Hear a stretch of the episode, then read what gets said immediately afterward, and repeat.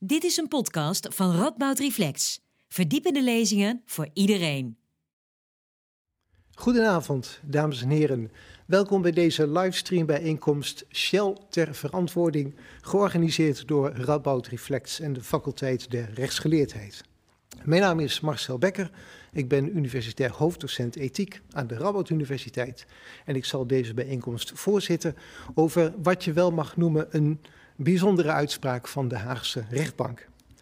Een rechter die aan het eind van de uitspraak lijkt te schrikken van de vreugdekreten buiten de rechtszaal. Een voorzitter van Milieudefensie die zo'n vreugdesprong maakt dat je even bang moest zijn dat hij uit de naden van zijn mooie pak zou scheuren. Het was iets heel markants wat er vorige week in Den Haag gebeurde. Dus roept het allemaal vragen op. Zoals op welke juridische gronden heeft de rechter zich nou zich precies gebaseerd? En wat betekent dit nou voor Shell? Is hiermee echt een nieuwe stap gezet in de bestrijding van klimaatverandering? Of is de rechter te veel op de stoel van de politiek gaan zitten? Over deze en andere vragen ga ik in gesprek met jurist Daniel Stijn. U bent promovendus en docent burgerlijk recht aan de Radboud Universiteit. En met Marije Klomp. U bent programmadirecteur duurzaamheid aan de Radboud Universiteit. U bent gepromoveerd aan de Universiteit voor Humanistiek op de duurzaamheidsthematiek. En ik vermeld er ook graag bij dat u ook jurist bent. Thuiskijker, uw vragen, uw bijdragen stellen wij ook op prijs. Stel uw vragen in de loop van de avond via Mentimeter. Ga naar menti.com en toets daar de code in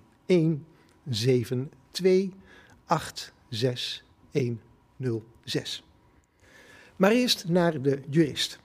Laten we aan de docent rechtsgeleerdheid vragen: heeft de rechter een nieuwe truc uit de juridische hoed getoverd? Of was dit eigenlijk wel te verwachten? De, de rechter die heeft uh, niet per se een nieuwe, nieuwe truc uit de hoed getoverd. Uh, en toch zou ik ook niet willen zeggen dat deze uitspraak helemaal te verwachten was. Um, misschien goed om heel kort iets te zeggen over, over de procedure waarin, waarin uh, de rechter hier zijn oordeel heeft geveld. Want dat is een collectieve procedure waarin onder meer Milieudefensie aan de ene kant staat en aan de andere kant Shell, althans de topholding van Shell, het bovenste vennootschap in het concern. Um, dat is relevant omdat Milieudefensie en die andere eisers in die collectieve actie niet opkomen voor hun eigen belangen, maar opkomen voor de belangen van anderen. En volgens Milieudefensie waren dat niet alleen maar de belangen van alle wereldburgers op dit moment, maar ook van de toekomstige generaties. Nou, de rechtbank eh, heeft daarvan geoordeeld en gezegd: Nou, nee, je kunt niet opkomen voor de belangen van alle burgers wereldwijd uh, en ook nog een keer toekomstige generaties. Maar heeft die groep beperkt en gezegd: Je kunt wel opkomen in deze procedure voor de belangen van Nederlandse burgers met inbegrip van toekomstige generatie Nederlandse ingezetenen. Nou, dat is denk ik een eerste aspect dat nieuw is uh, aan deze uitspraak. Bij mij weten voor het eerst dat de rechtbank op die manier ook uh, toekomstige generaties een stem geeft in de juridische procedure. De grond waarop de rechtbank vervolgens uh, Shell heeft bevolen om maatregelen te nemen om, het, om de gevolgen van de uitstoot van broeikasgassen terug te dringen, ja, is wat juristen noemen de ongeschreven zorgvuldigheidsnorm. Um, en als ik het heel kort zou moeten zeggen, dan heeft de rechtbank geoordeeld op dit moment handelt Shell nog niet onrechtmatig, uh, want in strijd met die norm. Maar om te voorkomen dat Shell dat gaat doen, beveel ik Shell om de komende jaren maatregelen te treffen om ja, de uitstoot en de gevolgen daarvan terug te dringen.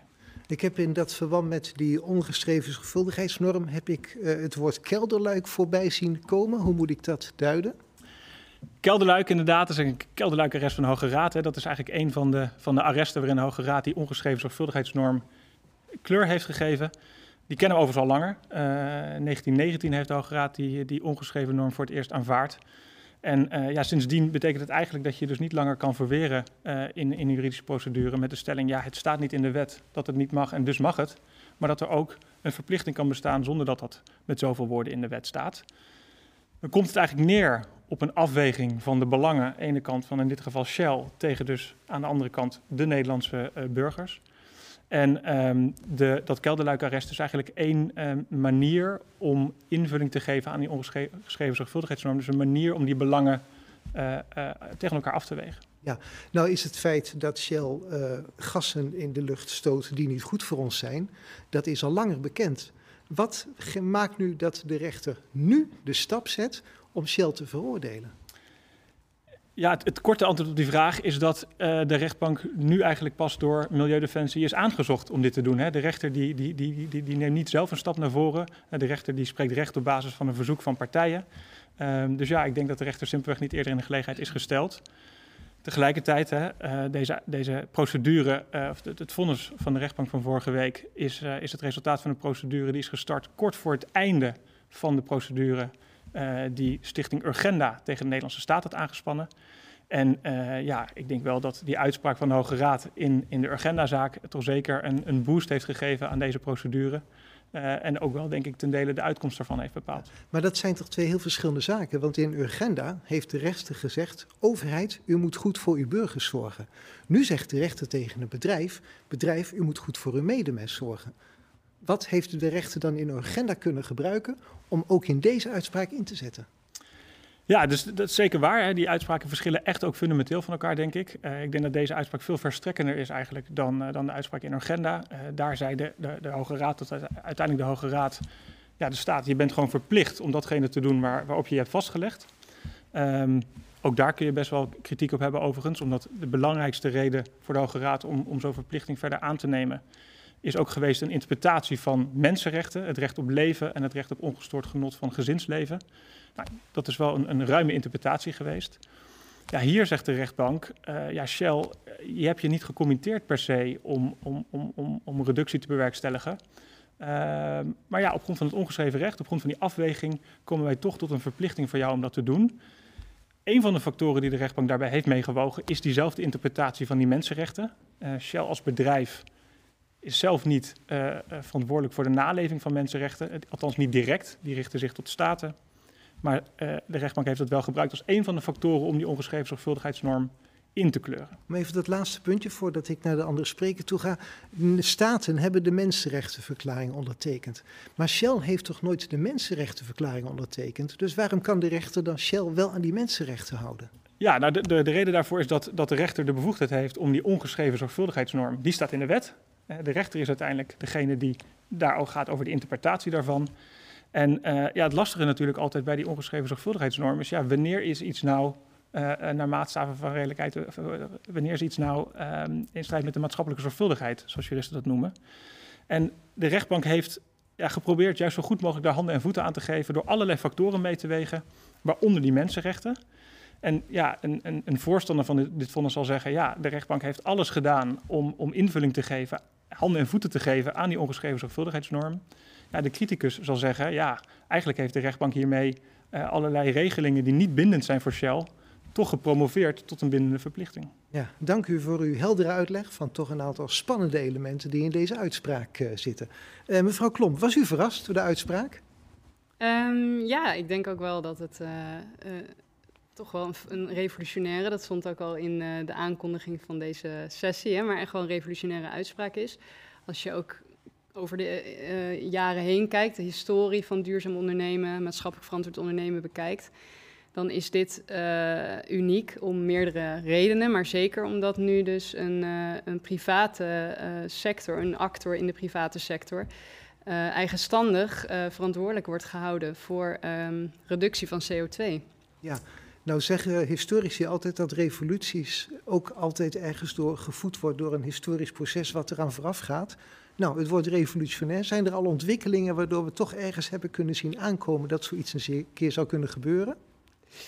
Um, ja, ik ben geen historicus, maar uh, als je uh, een beetje terugkijkt in de tijd, dan zie je wel dat waar we in de jaren zeventig, waar nog echt een hele sterke stroming was, à la Friedman, uh, waarin gezegd werd, ja, het enige wat bedrijven moeten doen is winst maken en aandeelhouderswaarde vergroten.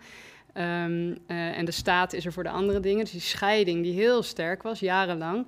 Ja, je ziet wel dat in de loop der jaren er natuurlijk al veel meer druk ook op, op het bedrijfsleven kwam.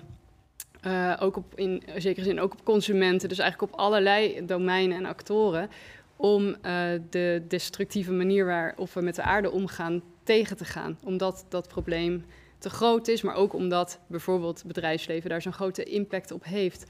Uh, en die druk die had meerdere uitingsvormen. En mm, ja, wat revolutionair is nu dat het ook een juridische uiting heeft gekregen. Maar uh, veel bedrijven en organisaties zijn natuurlijk al jaren bezig met verduurzamen. onder, ja, onder druk van richtlijnen, normen, stakeholders. Dus dat is in die zin is het niet een totale verrassing. En toch ook in de fossiele sector zijn de afgelopen weken een aantal dingen gebeurd die ook een beetje parallel gaan met dit aanspreken van, uh, van ja. Shell. Ja, je, je ziet dat uh, uh, stakeholders, en dat kunnen burger, bezorgde burgers zijn, NGO's, je ziet dat die eigenlijk de, de boardroom binnendringen, soms figuurlijk, doordat die druk en die normen van buitenaf, of in dit geval via de rechter, worden opgelegd aan een management of aan een bestuur, maar ook letterlijk. doordat bijvoorbeeld laatst bij ExxonMobil, want daar doe je misschien op, maar doordat daar twee ja, klimaatactivisten, worden ze wel genoemd, gebombardeerd zijn in het bestuur. In het, en dat is wel een hele, ook een hele revolutionaire gebeurtenis geweest. Denk ik. U kijkt daar heel glunderend bij, dus u vindt dat vast een, een, goede ontwikkeling. Maar dan toch eventjes, en die vraag krijgt u ook zo meteen, maar ik ga eerst even, toch blijf ik even bij mevrouw Klom. Het is toch aan de politiek om wettelijke kaders vast te stellen. En dan moeten bedrijven en organisaties zich daarbinnen bewegen. En wanneer nou die bedrijven en organisaties ook een eigen politieke agenda gaan ontwikkelen. Of wanneer de rechter ook dit soort politiek getinte beslissingen gaat nemen, dan wordt het speelveld toch alleen maar onoverzichtelijker. En dan kan de politiek misschien wel zeggen, nou, de stakeholders doen het wel en de bedrijven, dus hoeven wij als politici, hoeven wij niet meer die voortrekkersrol te vervullen. Is het wel zo'n positieve ontwikkeling? Ja, nee, dat is een, dat is een terechte vraag en ik... Uh uh, ik, ik, denk dat um, uh, best wel uh, dat het misschien wel discutabel is dat um, de rechter bijvoorbeeld die 45%-norm, die geldt voor staten, dat die één op één toegepast is op een bedrijf. Um, je kan ook uh, denken, en dat is zeker een lijn die ik ook onderschrijf, staten of, of overheden zijn ervoor verantwoordelijk om uh, te bepalen welke sectoren, welke actoren er in welke mate moeten bijdragen aan reductie. Dat is geen gelijk speelveld. Uh, zo hebben wij als sector hoger onderwijs bijvoorbeeld hebben wij aan de klimaattafels gezeten en een eigen sectorale routekaart. Um, dus uh, nou ja, dat, dat is wel opmerkelijk. En inderdaad, überhaupt het feit dat een, een rechter dit oplegt in plaats van een overheid. Voor mij zag dat ook wel. Uh, doet het eigenlijk ook wel een appel op de overheid of op de politiek. Hè?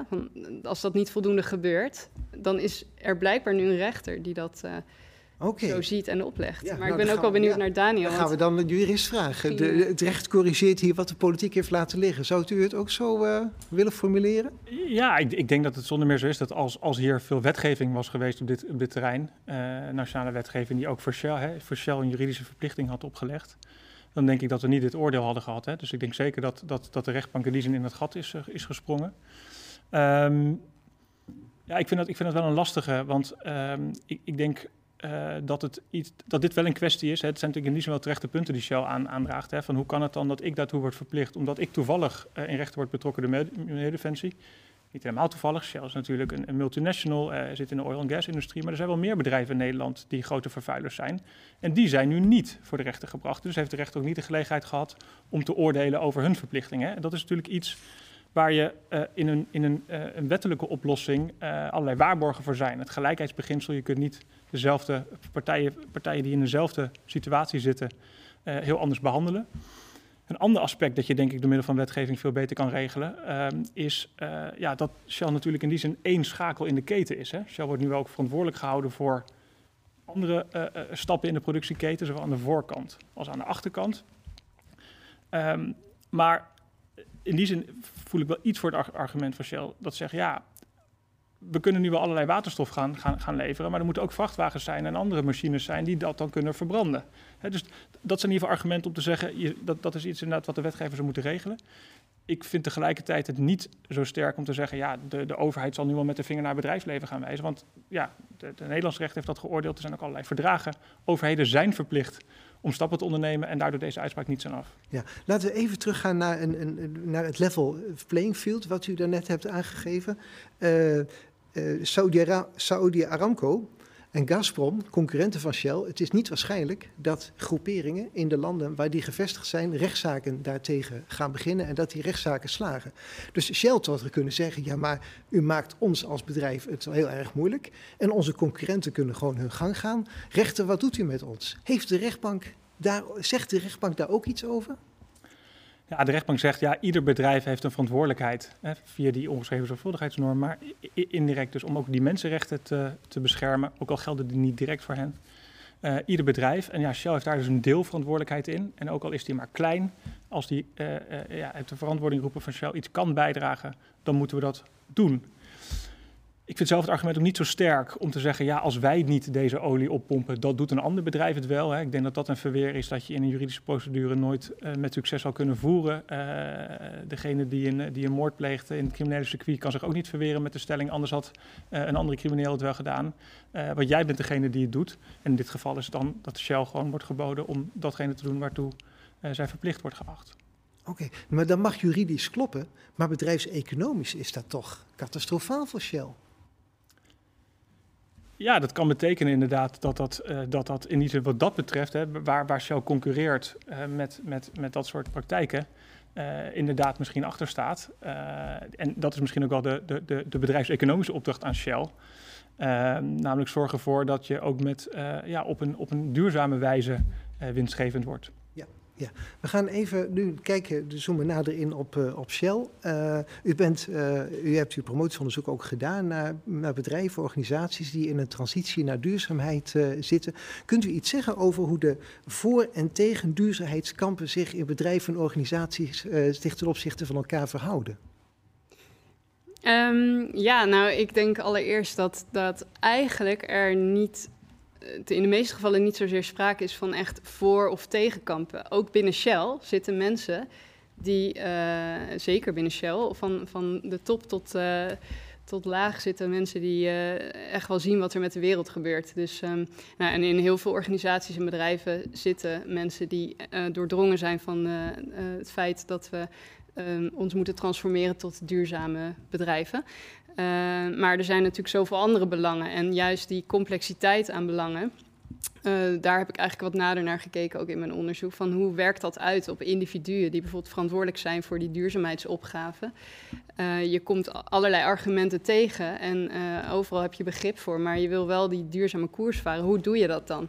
En dat is echt wel ook heel weerbarstig en lastig. En goed, daar valt heel veel over te zeggen, maar ik denk ook in deze zaak dat um, uh, er, er, mensen hier heel erg van geschrokken zijn, ontzettend tegen zijn en nog de hele oude neoliberale argumenten nu gebruiken. En mensen die heel, uh, heel kort door de bocht volledig voor alleen maar duurzaam zijn, wat het ook kost.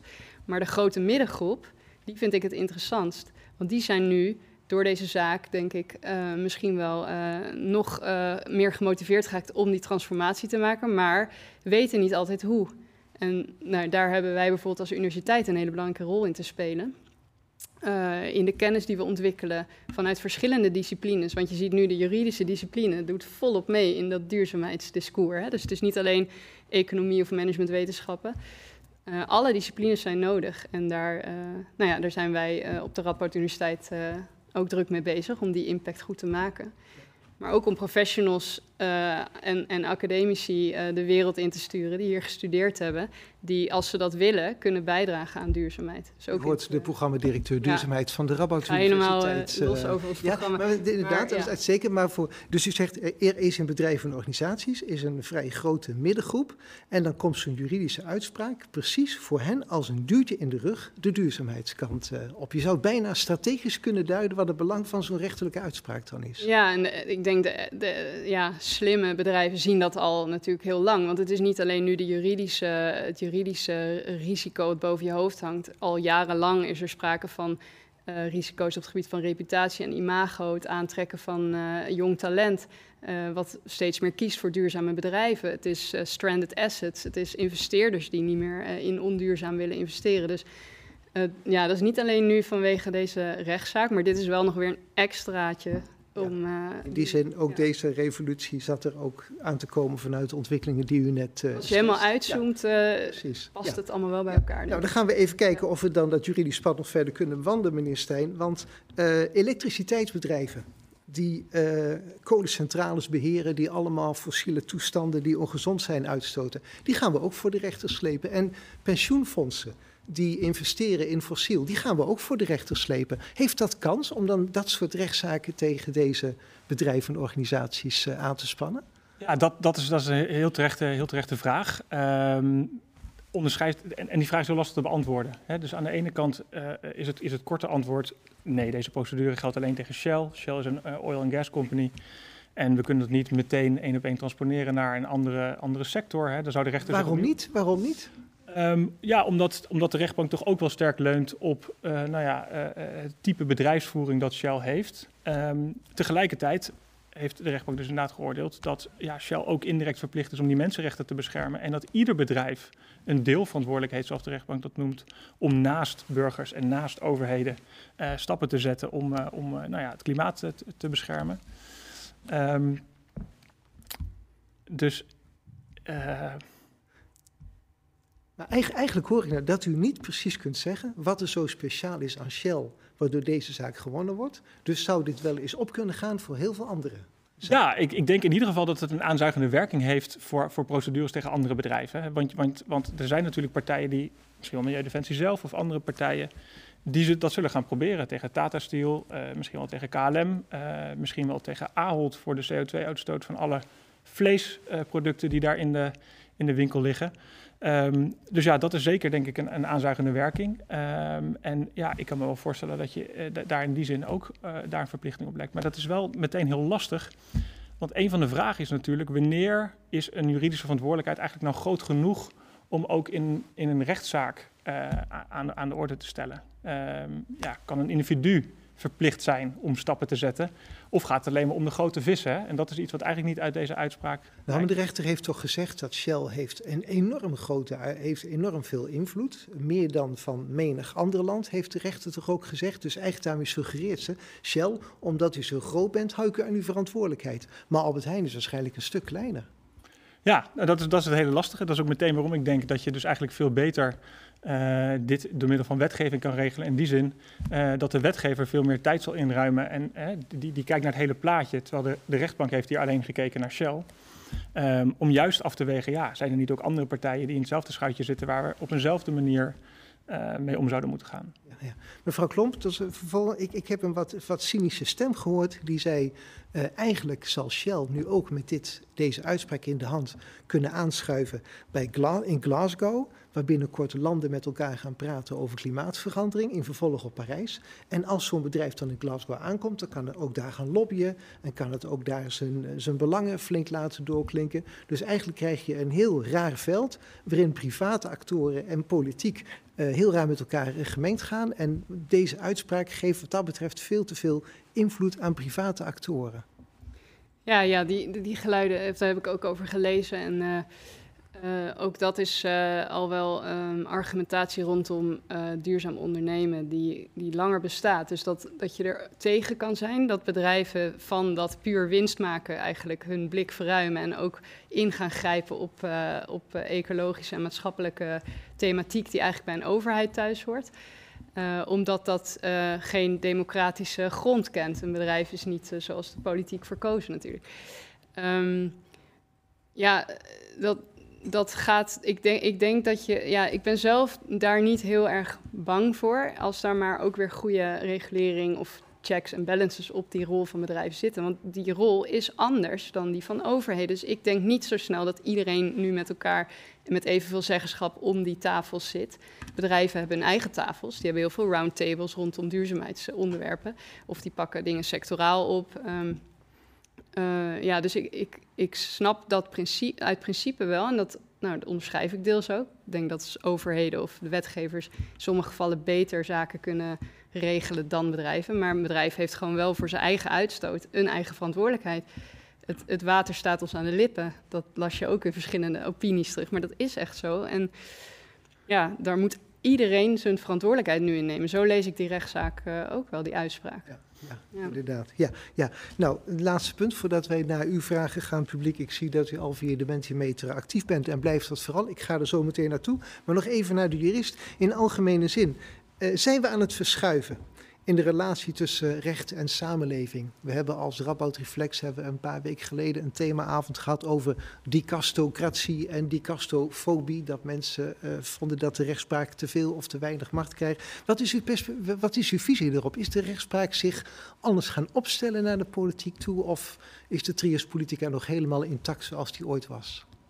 Ja, ik denk, ik denk dat ik, ik voel niet zoveel mee met, met, met, uh, met de kritiek op deze uitspraak.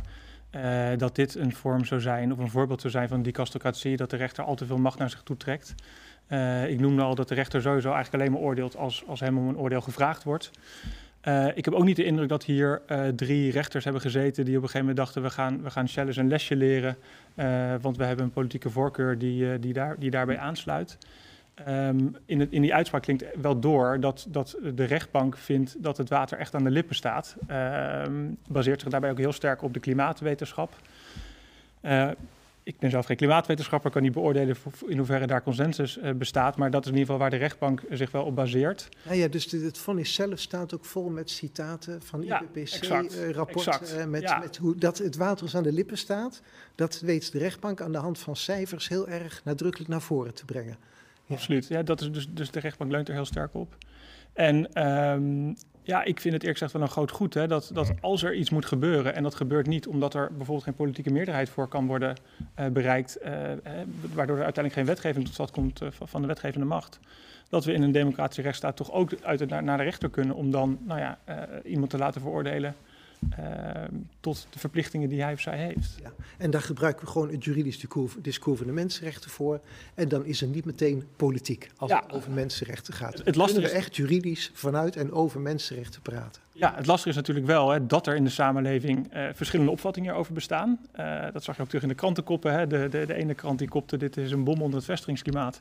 En de andere die zei ja, een prachtige overwinning voor, uh, voor, voor het klimaat. Ja, dat onderstreept denk ik ook wel, juist omdat het de invulling van een open norm is, dat je daar dus inderdaad kritiek op kan hebben. Uh, en tegelijkertijd er ook mee eens kan zijn, omdat de rechter ook echt wel moeite heeft gedaan om dat te motiveren. Ja. Um, ja, ja, maar een juridische discussie over een open norm is niet meteen een politieke discussie, maar kan ook echt een juridische discussie zijn. Ja, zeker. Ja. Uh, ik kan me ook goed voorstellen dat deze uitspraak in hoger beroep in stand blijft. Uh, ik kan me ook voorstellen dat hij uiteindelijk uh, onderuit gaat. Hè. Dat is natuurlijk het last van een ongeschreven norm, dat hij zich moeilijk in die zin laat voorspellen. Um, ik had van tevoren in ieder geval niet, niet, niet al mijn spaargeld durven inzetten op deze uitkomst. Nee, goed. Maar het is uh, leuk om dan deze avond uh, daar, daar zo over van gedachten te wisselen. Juist omdat we van tevoren niet zeker weten hoe het, uh, hoe het zal aflopen. En daar, daar denken de mensen ook over. Want nou komt hier bijvoorbeeld de vraag over: kan ik nou ook Google een dwangsom opleggen? Omdat ze, als ze mijn privacy blijven schenden. Of kan ik iemand dwingen tot COVID-19-vaccinatie, omdat zijn of haar keuze mijn leven in gevaar brengt. Dus dat idee van die, dat maatschappelijk verkeer, waar allerlei normen heersen, en elkaar daarop aan te spreken, dat wat in deze rechtszaak heel direct naar voren is gehad, dat kunnen we eigenlijk op een veelheid van situaties toepassen in ons leven. Ja, ik begrijp die gedachte. Ik, ik, denk dat je sowieso altijd voorzichtig moet zijn hè, vanwege de, het karakter van de procedure tussen twee partijen. Uh, om dat al te breed uit te meten. Uh, ik wil nog best meegaan in de vraagstelling: hè, wat betekent dit dan voor andere uitstoters binnen hetzelfde discours, hè, binnen, binnen het broeikasgassen, binnen de klimaatverandering? Um, ja, ik denk dat het wel een paar stappen te ver is om nu te zeggen: precies deze redenering geldt ook voor andere bedrijven.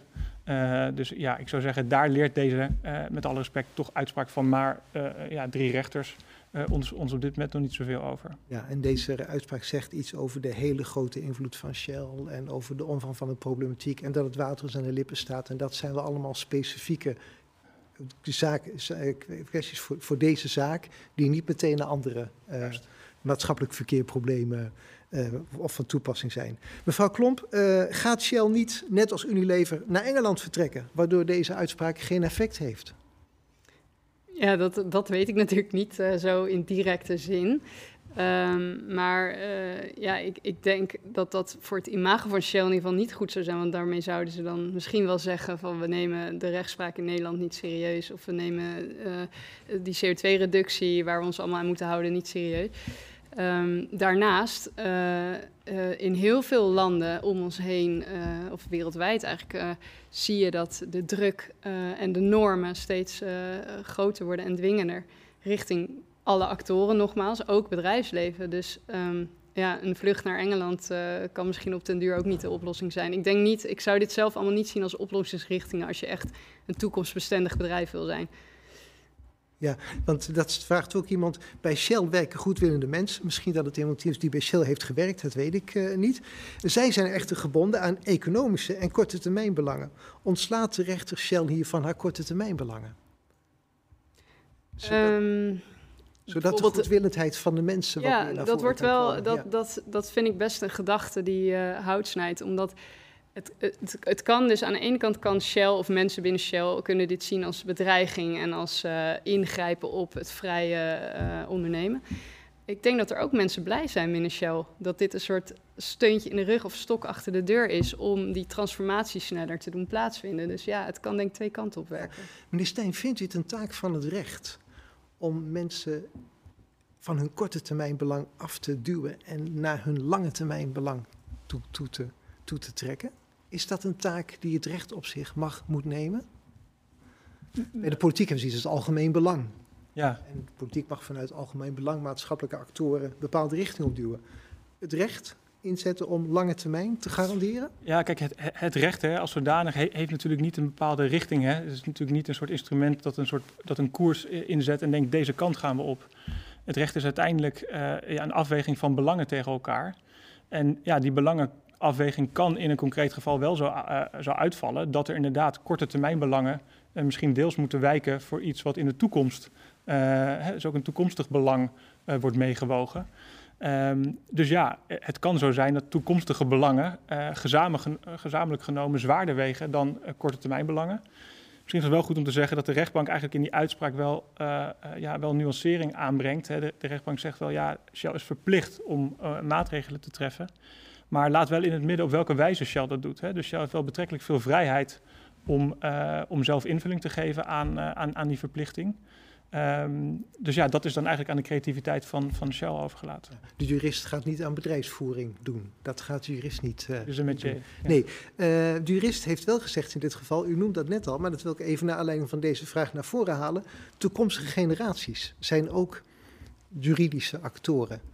Uh, is dat juridisch heel spectaculair of hadden we dat ergens ook al kunnen zien aankomen?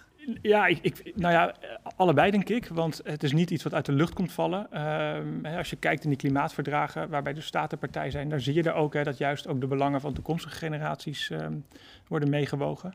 Uh, het is wel voor mij nieuw dat het in een juridische procedure zoveel, zoveel gewicht krijgt. Uh, ja, en dat is, dat is, dat is ja, juridisch eigenlijk best wel problematisch eigenlijk. Hè. Zoals je, als je nog niet bestaat, hè, dan, ja, dan heb je ook geen rechten en heb je ook geen verplichtingen. Um, er zijn wel plekken in het recht waar, uh, waar daar net een nuancering op, wordt aangebracht. Ik geloof dat de, de ongeboren vrucht uh, af en toe toch nog rechten heeft uh, als dat in zijn, zijn belang is. Um, maar op deze manier de belangen van ook toekomstige generaties met zoveel woorden meewegen, dat is wel nieuw. Ja. Ja. Bent u dat in uw rechtsstudie tegengekomen? De mogelijkheid om toekomstige generaties als rechtssubject te laten meepraten? Niet zo, uh, niet echt in dat positieve recht wat we daar gekregen, maar het zit inderdaad wel wat meer in de soft law, in de verdragen of in de, de kaders en richtlijnen. Ja, ja, En inderdaad een beetje in de... Uh... Soft law, dat heb ik ook een aantal keren voorbij zien komen de afgelopen... dat soft law ook een rol zou spelen in, in de recht. Ik vind dat prachtig, als niet-jurist vind ik dat een prachtige uitdrukking, soft law. Wat, wat moeten we eronder verstaan? En hoe heeft dat een rol gekregen in dit, uh, in dit vonnis? Ja, ik zou zeggen, soft law is, is geen law. Uh, in die zin, hè, wat, wat we met soft law bedoelt... Uh, eigenlijk ja, juridische instrumenten, dus dat kunnen verdragen zijn of afspraken of dergelijke, maar die niet, die niet juridisch bindend zijn um, voor een specifieke partij. En, um, Zoals? Wat moet ik me.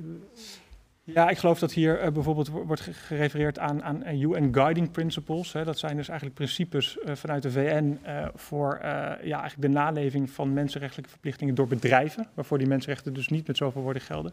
Heeft Shell daarvan gezegd dat ze die ook onderschrijven, nee, UN Guiding nee, Principles? Nee, niet met, niet met zoveel woorden. Ook in het verleden niet nooit? Nee. Ja, nou, volgens mij, ja, onderschrijven letterlijk misschien niet, dat weet ik eerlijk gezegd niet. Maar die guiding principles en de OESO-richtlijnen, ja? dat soort zaken zijn wel, worden wel door, uh, zeker door dat soort grote bedrijven volgens mij... Uh, ze zijn, ze zeggen niet openlijk dat ze er tegen zijn. Nee, dat... Dan is een soort van wie zwijgt stemt toe.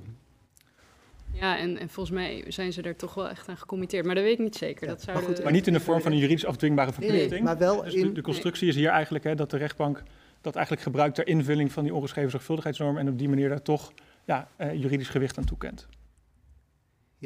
Oké, en, en eh, dat heeft de rechter ook gebruikt om te zeggen: Shell, u hebt ook een eigen verantwoordelijkheid. Ja. ja. Iemand eh, zegt: eh, de verantwoordelijkheid van bedrijven om mensenrechten te respecteren, die zou gelden voor alle bedrijven. En die refereert daarbij aan RO 4416. Nou, dan kan ik de jurist natuurlijk wel vragen wat daaronder wordt, eh, wordt verstaan. Ja, ik, ik, heb die recht, eh, rechtsoverweging natuurlijk niet helemaal paraat, maar eh, ik denk dat het een rechtsoverweging is waarin de rechtbank zegt, hè, dus de, de verantwoordelijkheid om ook als, als bedrijf eh, mensenrechten te respecteren geldt voor ieder bedrijf. Ja, dat is deze de wereld- thematiek, zeg Ja, maar. Ja, ja. ja, ja. Maar dat geldt dus ook voor Tata Steel. Ja, zeker. Ja, dat, dat, eh, Ehm, en de, voor de lokale leverancier van houtkachels? Want in eh die rechtsoverweging staat ook ongeacht de omvang. Ja, dat, dat is dus een hele lastig, vind ik. Hè. Dus eh, hoe, hoe ga je daarmee om? Hè? Dat speelt zelfs al hier, hè? Want, want, want wij vinden Shell een grote speler. Eh, zeker als we alle bedrijfsvoering van Shell wereldwijd meenemen, is, is zo, zo staat het in de uitspraak, de uitstoot, de collectieve uitstoot van Shell groter dan, dan dat van Nederland. Ehm, ja, tegelijkertijd kun je wel afvragen of als Shell inderdaad aan deze verplichting voldoet, of dat in 2030 of in 2100 daadwerkelijk verschil maakt voor de op dat moment ingezetenen van Nederland.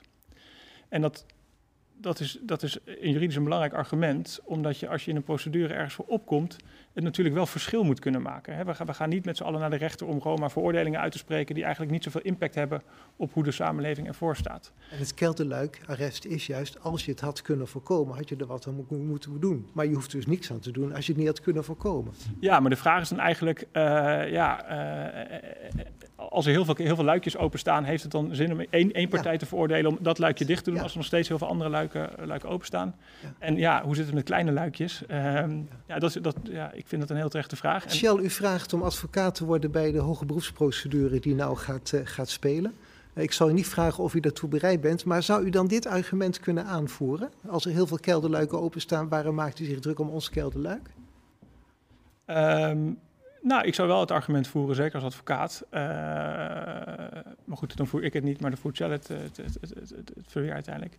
Ehm, maar dat, het wel, dat je wel moet, moet kunnen vaststellen dat iets, iets invloed heeft, hè, dat het uitmaakt. Ehm, ik denk dat ook voor, dat voor toekomstige procedures wel van belang is, want we zijn er denk ik niet mee gebaat als, als iedereen tegen iedereen nu gaat zitten procederen eh, om, om dit soort verplichtingen eh, ja, af te dwingen. Ehm, ja, ik vind het, ik vind het een, heel, een, een, een, heel, ehm, eh, een heel lastig punt. Maar ik, ik voel daar wel iets voor het argument van Shell. Van ja, eh, de, de vraag die erachter ligt is wanneer is, een wanneer is een deelverantwoordelijkheid groot genoeg om juridisch relevant te zijn? En dat is een vraag die zich niet in zijn algemeenheid laat, laat Dat gaat in de procedure als hoger beroep om zeker een rol, eh, een rol spelen. Ja, ja de, de rechtbank zegt eigenlijk, en dat is misschien wel aardig nog, de rechtbank zegt ja, het, het doet er niet zo toe of we zeker weten dat dit effect heeft, maar als het effect kan hebben, dan moeten we op dit moment doen. Nou, en dat is natuurlijk wel een redenering waar ik mee eens en mee oneens kan zijn. Ja, mevrouw Klomp, eh, een van de eh, vraagstellers zegt: er is geen consensus binnen de klimaatwetenschap. Met name over de mate waarin CO2 de temperatuur verhoogt. Ja, ja er zijn inderdaad nog steeds wel mensen die daaraan twijfelen. Ik ben ook geen klimaatwetenschapper. ehm, dus het zou mooi zijn als we bijvoorbeeld eh, onze Helene Koning daar nog eens een vraag over kunnen stellen. Eh, maar ehm, eh, ja, wat ik ervan heb begrepen en gelezen is dat er toch wel ja, vrijwel ehm, iedereen, alle wetenschappers, klimaatwetenschappers het erover eens zijn dat, eh, eh, dat die opwarming van de aarde plaatsvindt, dat die CO2-uitstoot daarop van invloed is.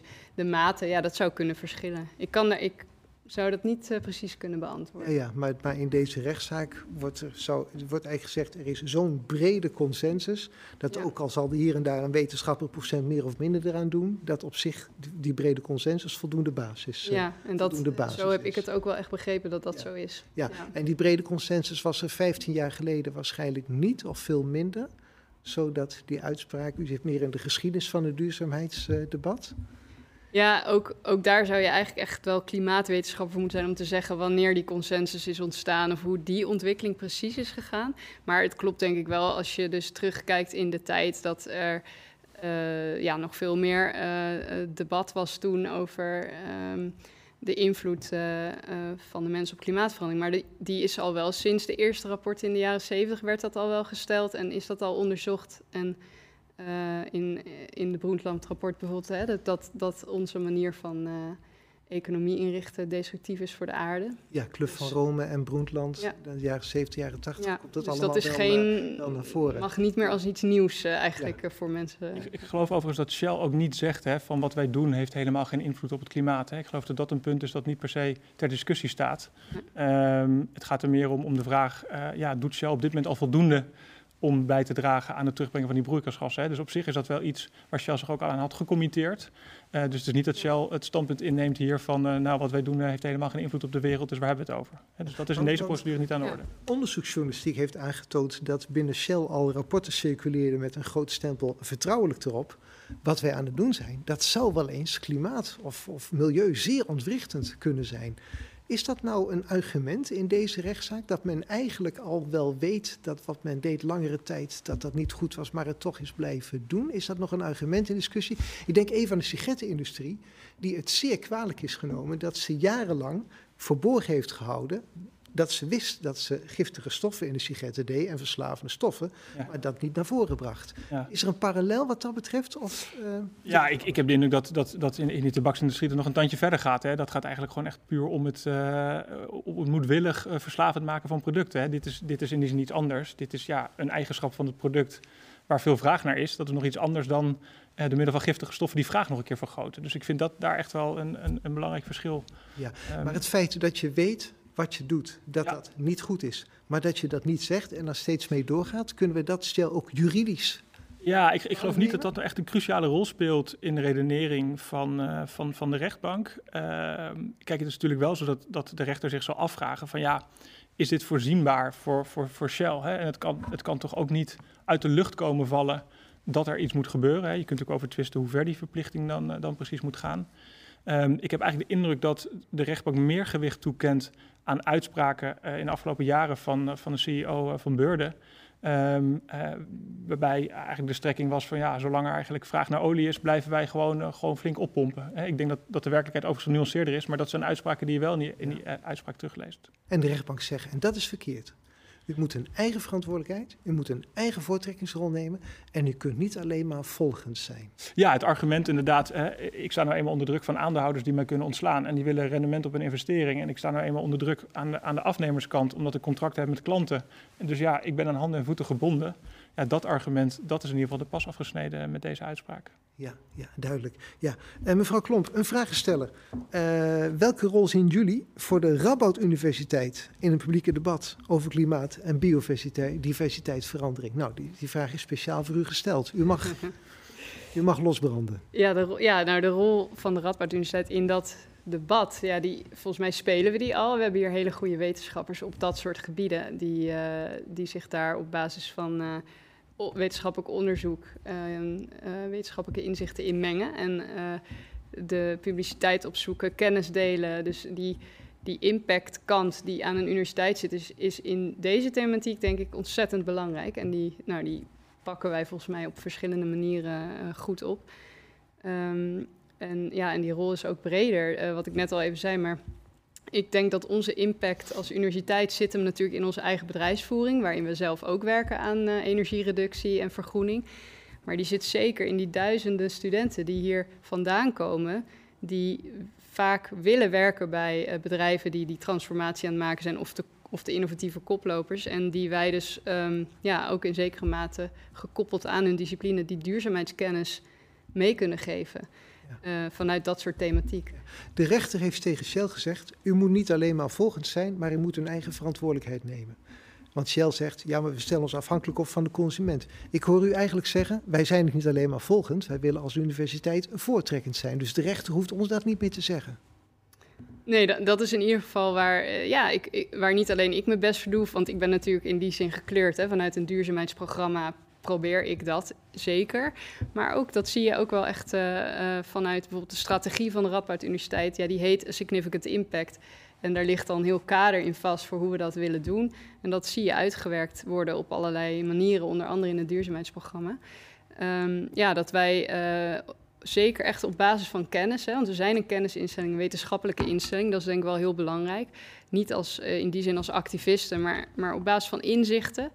Uh, iets toevoegen aan het duurzaamheidsdiscours en aan het, aan het debat daarover. En, maar ook in de praktijk aan bedrijven die zoekende zijn. En dat, ja, dat kan wat mij betreft niet groot genoeg zijn, die impact. Want we staan nogal voor een grote opgave met z'n allen. Ja, ja. zijn en uw vak, meneer Stijn, de, de, de rechter. Een rechter die volgt toch maatschappelijke ontwikkelingen. En de wetgever volgt toch maatschappelijke ontwikkelingen. Dus juristen zijn toch ook in principe volgers. Ik ga u rechtsfilosofische vragen stellen, maar dat kan, want u hebt filosofie gestudeerd, hebt u mij, uh, hebt u mij verteld. Uh, het recht is een, uh, is in hoge mate volgend, zou je zeggen. Tegelijkertijd zien we nou opeens een vonnis dat baanbrekend is. hoe, ziet u in, hoe ziet u uw eigen vak in termen van al of niet volgend zijn? Ja, ik denk, ik denk dat, uh, dat dat in die zin wel kritiekpunt is dat je op het recht in zijn algemeenheid kan hebben. Hè, van ja, het recht volgt een beetje en doet eigenlijk te weinig om iets bij te dragen aan, uh, aan, aan ontwikkeling. Um, ja, ik denk dat dit een goed voorbeeld is uh, waar dat zeker wel gebeurt. Um, de, de, de rechtbank kijkt duidelijk vooruit. Hè. De rechtbank zegt niet dat Shell op dit moment onrechtmatig handelt, maar de rechtbank zegt ja, om te voorkomen dat Shell in de toekomst onrechtmatig gaat handelen, hè, leg ik nu dus inderdaad deze, deze verplichting op.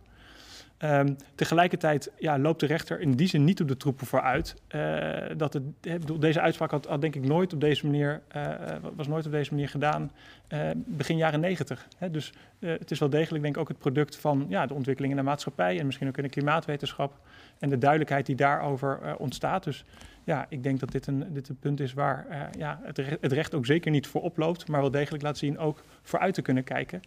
Um, en ik denk dat dat een vraag is die, die uh, voor veel juristen eigenlijk ook een leidraad zou moeten zijn. Van, ja, kan het recht niet alleen maar terugkijken en corrigeren, maar ook faciliteren uh, om ontwikkelingen mogelijk te maken, ruimte te laten voor, voor een koerswijziging als dat uiteindelijk beter is voor, voor, voor de samenleving. Ja, ja. nou, wat, wat vindt u van de reactie van de zijde van Shell op dit vonnis?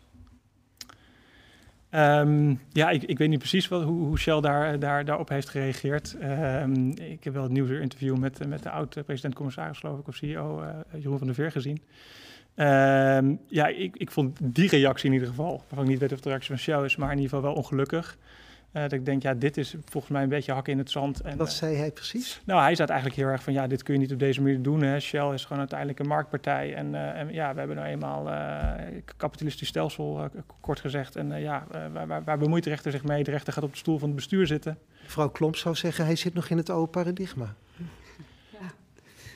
Ja, maar goed, maar dat ja, is... Nee, maar ik wilde zeggen, dat is misschien niet wat, wat hoe Shell daar tegenaan kijkt. Ja, um, ja ik denk dat wat, uh, wat, wat Marije eerder al zei, hè, dat, dat, dat ja, wat vindt Shell, uh, dat is een genuanceerd antwoord. Want, want een deel van Shell vindt dat dit een goede ontwikkeling is.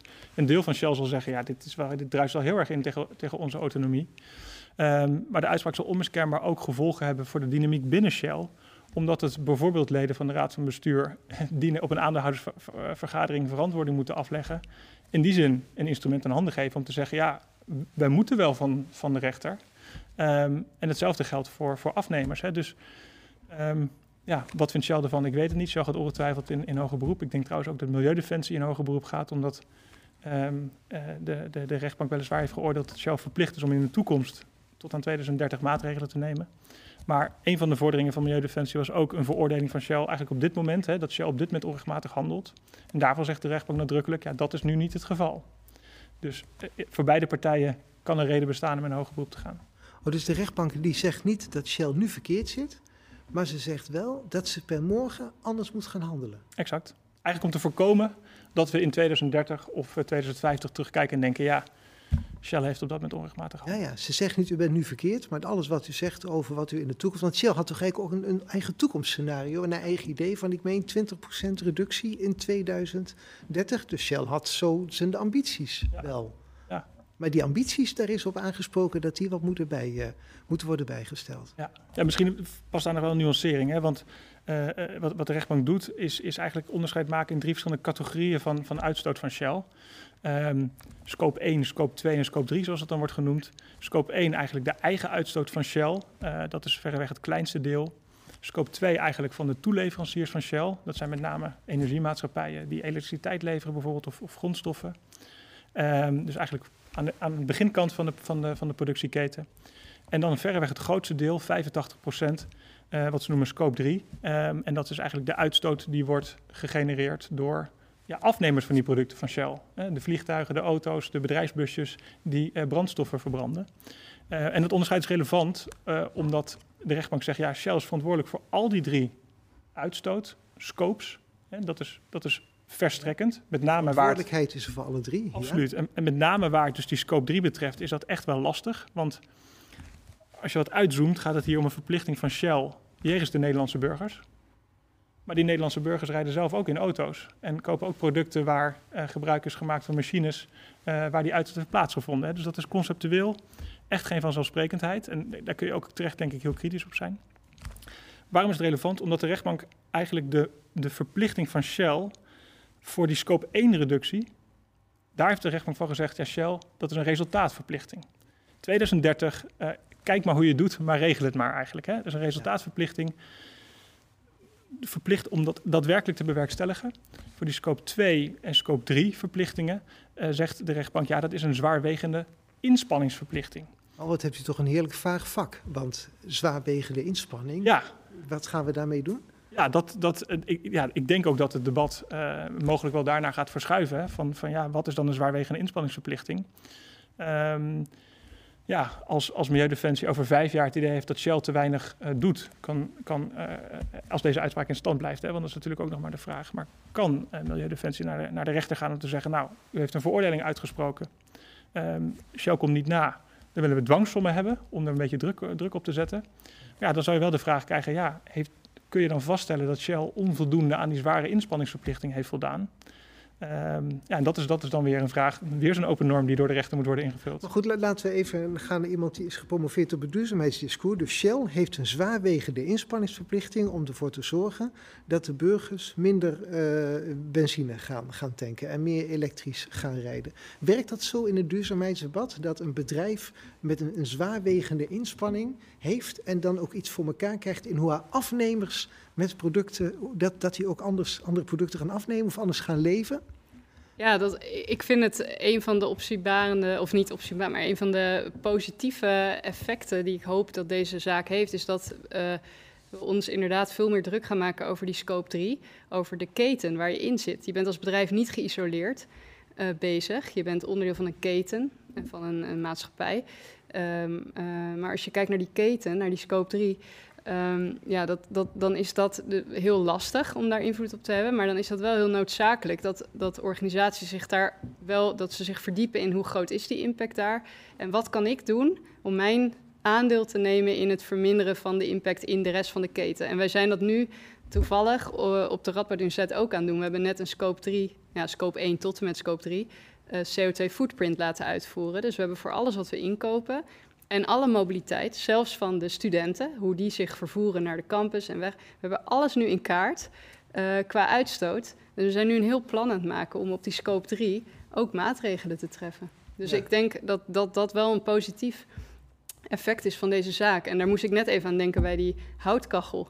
De, de houtkachelproductie zelf, dat is dan uh, scope 1. Maar de effecten die het verbranden in een houtkachel heeft door degene die hem heeft gekocht ja, daar voel je daar wel of niet voor verantwoordelijk. Ik vind dat een heel interessant, uh, ja. interessante discussie die we moeten voeren. Ja. Want u, ik hoor u ook zeggen, duurzaamheid is iets, is een, is een, iets wat, wat geen enkele acteur op zich doet. Dat, is, dat heeft te maken met de interactie tussen actoren. Dat heeft te maken met een keten die als geheel georganiseerd moet worden. En dan moet je ergens beginnen en dan heeft dat zo zijn verdere uitwerking. Maar je kunt niet één acteur voor iets, uh, iets, iets verantwoordelijk uh, stellen. Ja, deels kan dat.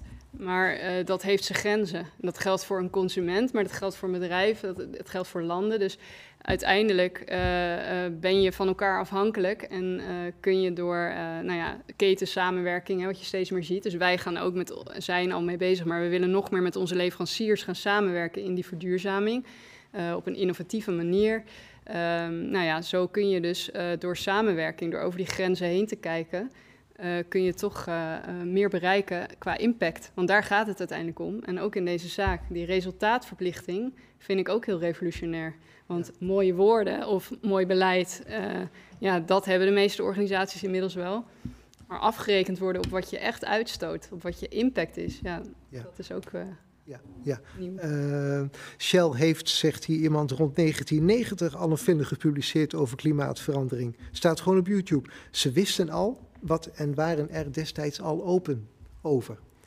Alleen trokken toen niet de consequenties eruit in de zin zoals u dat nu net zegt. En nu moeten ze dat wel intensiever gaan, uh, gaan doen. Maakt het ook juridisch iets uit dat zo'n bedrijf zich dus dat al wel bewust was en naar, op en, en naar buiten toe bracht. Dus Shell heeft naar buiten toe nu ook gezegd, in 1990 al, maar nu dus nadrukkelijk, mhm. wij willen ook in 2030 veel minder uitstoot hebben. Mhm. Was het voor een rechter nou moeilijker of makkelijker geweest als Shell dat niet gezegd had? Of maakt dat niet uit? Ja, ik krijg de indruk dat, dat, dat, dat de rechtbank daar niet zo heel sterk op heeft, uh, op heeft uh, geleund. Kijk, op zich is het probleem hier denk ik ook niet zozeer dat, uh, dat onvoldoende onderkend wordt wat de impact is van bepaalde industrieën. Um, maar dat het een complex probleem is. En, en ja, in, in die zin voel ik met Shell mee dat Shell zegt, ja, wij willen echt wel stappen zetten, maar we kunnen dat niet alleen. En ja, datzelfde geldt natuurlijk voor de, voor, de, voor de vliegindustrie. Ik bedoel, ja, we weten ook al jarenlang hoe vervuilend dat is. En tegelijkertijd ja, wordt daar ook niet echt paal en perk aan gesteld. En kerosine is volgens mij zelfs, zelfs, zelfs, zelfs onbelast. Um, ja, is dat dan doorslaggevend? Nou ja, het is altijd makkelijker, denk ik, om, om iemand ter verantwoording te roepen als eigenlijk klip en klaar is wat de risico's zijn. Uh, maar daar gaat het debat hier eigenlijk niet over. Hè. Het debat gaat eigenlijk meer over de risico's kennende.